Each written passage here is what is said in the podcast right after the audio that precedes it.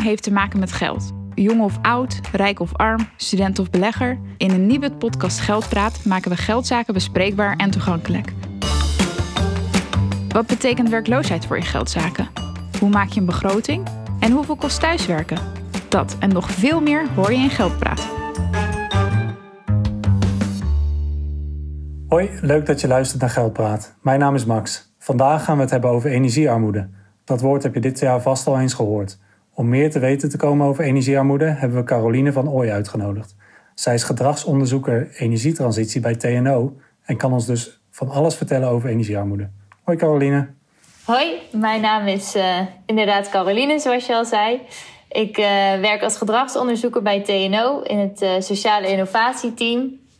En dat is een team van allemaal mensen met een sociale achtergrond. Ik heb zelf een achtergrond in de psychologie en onderzoek naar gedragsverandering. En um, nou, wij doen onderzoek naar allerlei sociale aspecten van de energietransitie. En uh, energiearmoede speelt daarin een belangrijke rol. En daar doe ik dan ook veel uh, projecten op. En uh, nou, leuk dat jullie hier een podcast over maken en dat ik daarin te gast mag zijn. Ja, nou ja, hartstikke leuk dat je wil, wil aanschuiven natuurlijk. Um, zou je misschien iets meer kunnen vertellen? Wat is energiearmoede precies? Ja, zeker. Nou ja, we spreken eigenlijk van energiearmoede uh, wanneer een huishouden onvoldoende toegang heeft tot energievoorziening in huis.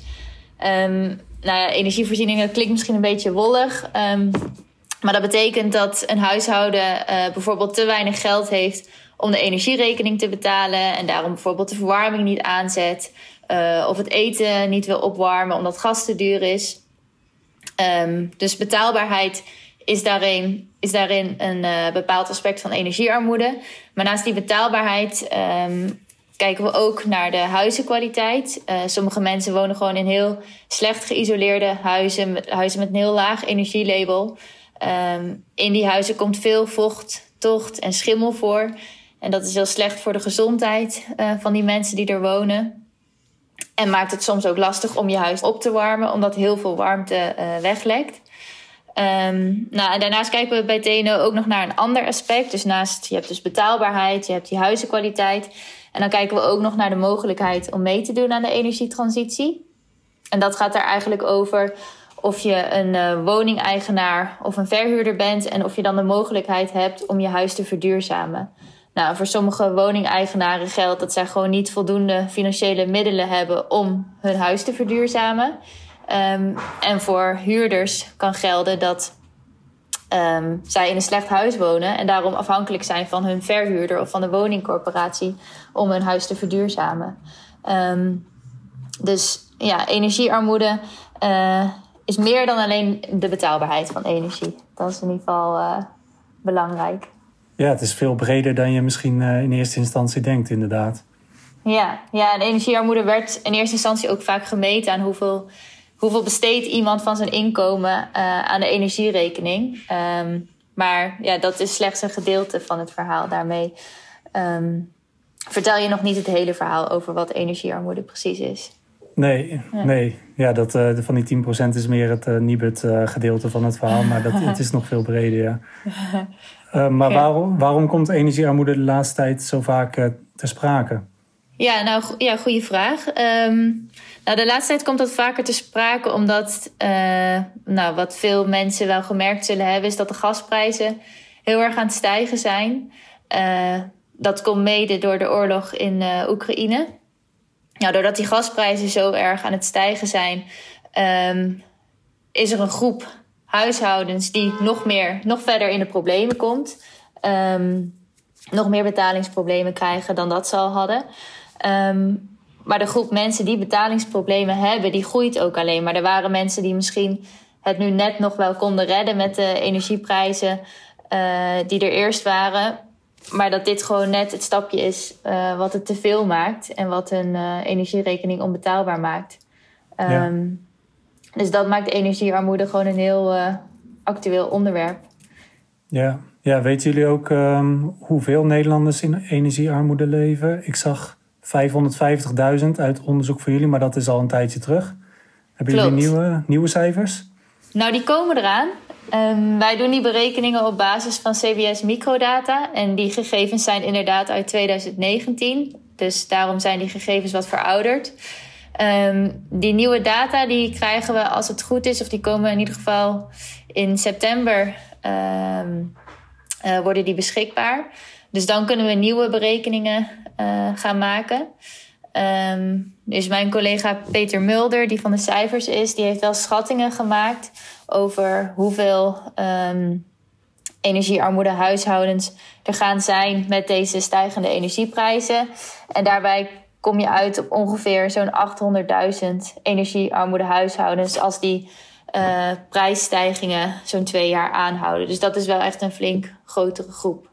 Ja, ja, vooral omdat het gaat om huishoudens, niet om mensen. Dus uh, het, het, is niet 800 van 17 miljoen, maar van uh, ja, nee, klopt. een kleinere groep. Ja. Klopt, ja, dat gaat inderdaad om de huishoudens. Ja, ja. Nou, dat is wel zorgwekkend. Maar um, ja, weet je toevallig ook uh, wat voor groepen? Bijvoorbeeld, zijn het meer middeninkomens of zijn het meer mensen in de steden of huurders?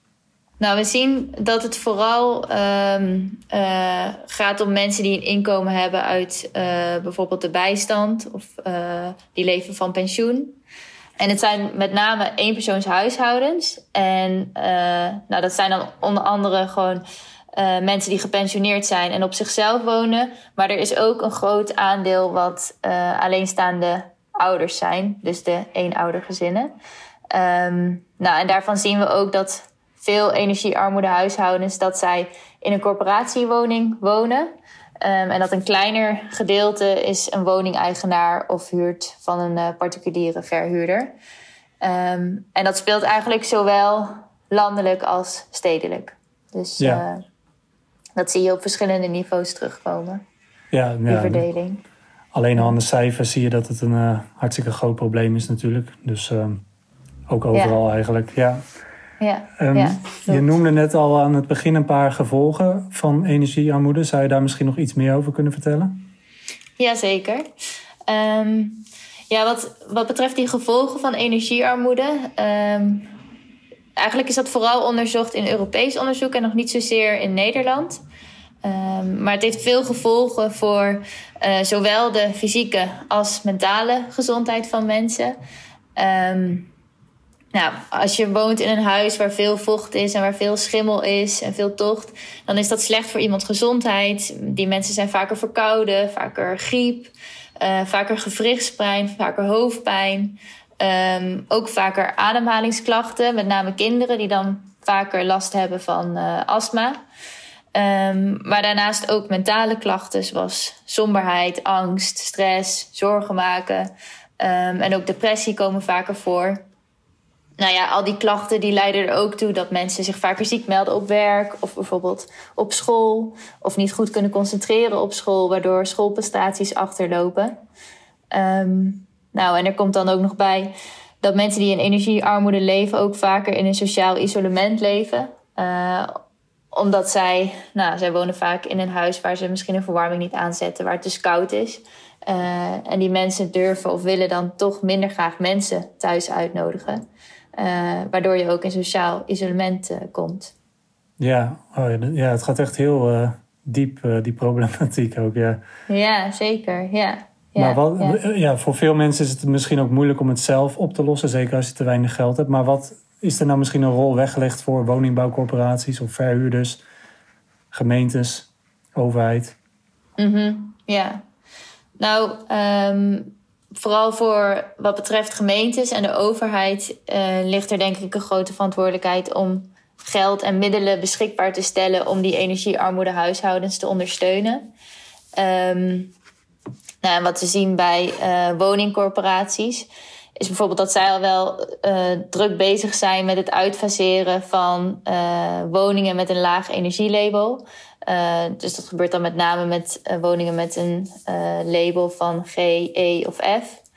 Um, nou, dat is al hartstikke belangrijk. Um, maar goed, dat kost natuurlijk ook tijd om een woning te renoveren.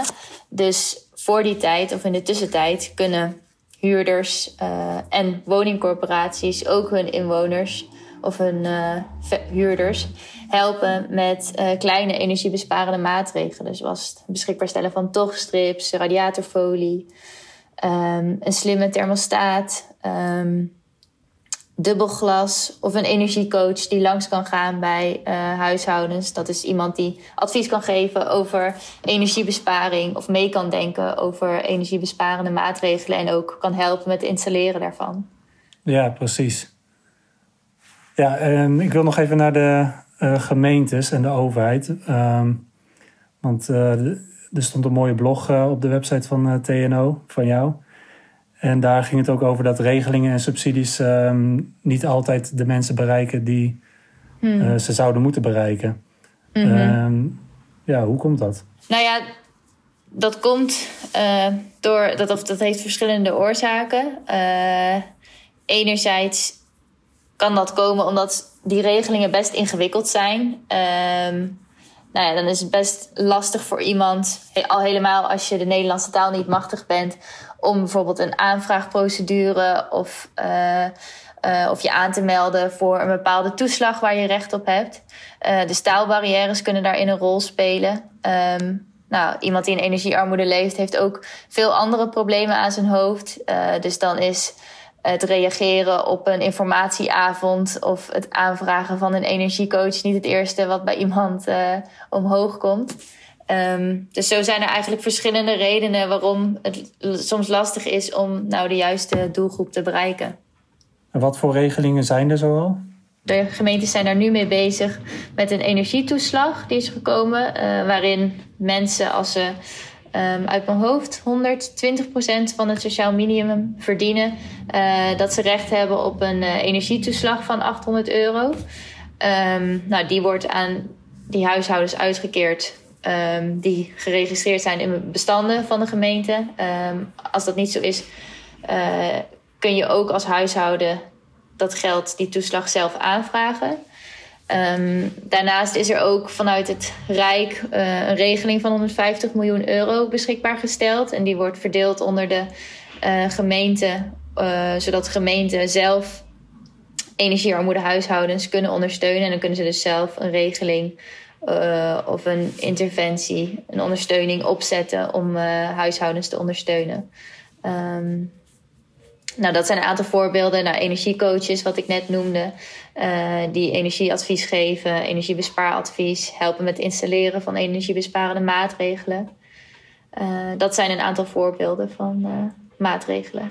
Ah, Oké. Ja, en heb je dan tot slot misschien nog wat betaalbare energiebesparende maatregelen die wij en onze luisteraars kunnen nemen om de energierekening iets te dempen? Nou, veel gemeenten die hebben een, uh, een energieloket. En daar kun je, een, uh, kun je een voucher aanvragen of een energiebox aanvragen. En daar zitten uh, kleine energiebesparende maatregelen in. Bijvoorbeeld zoals radiatorfolie. Toevallig heb ik dat laatst ook zelf aan mijn verwarming geplakt. En dat werkt best wel goed. En dat is ook helemaal niet duur. En ja, als je het dus krijgt van de gemeente of via het loket aanvraagt, dan kost het je al helemaal niks. Um, tochtstrips, um, ledlampen. Dat zijn dingen hoe je energie kan besparen. Um, goed, dat is als je iets wil besparen op je energierekening. En verder um, ja, vind ik het ook belangrijk om te zeggen dat dat voor de groep energiearmoede huishoudens echt een tussenoplossing is. En uh, dat, er, dat die huishoudens veel meer geholpen zijn bij structurele maatregelen. Die echt voor op de lange termijn zijn. Want met alleen een ledlamp of een tochtstrip uh, kom je er niet. Nee, dat bespaart geen honderden euro's per maand. Uh, nee. nee. nee. Nee, nou uh, Caroline, heel leuk dat je er was. ik vond het een mooi gesprek en ik hoop onze luisteraars ook. Ik hoop het ook. Jullie bedankt.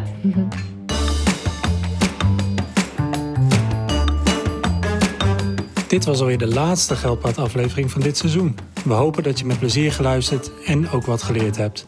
We gaan nu even met pauze, maar in de tussentijd kun je natuurlijk al onze afleveringen nog eens luisteren en vind je op nieuwbit.nl alles wat je wil weten over je geldzaken.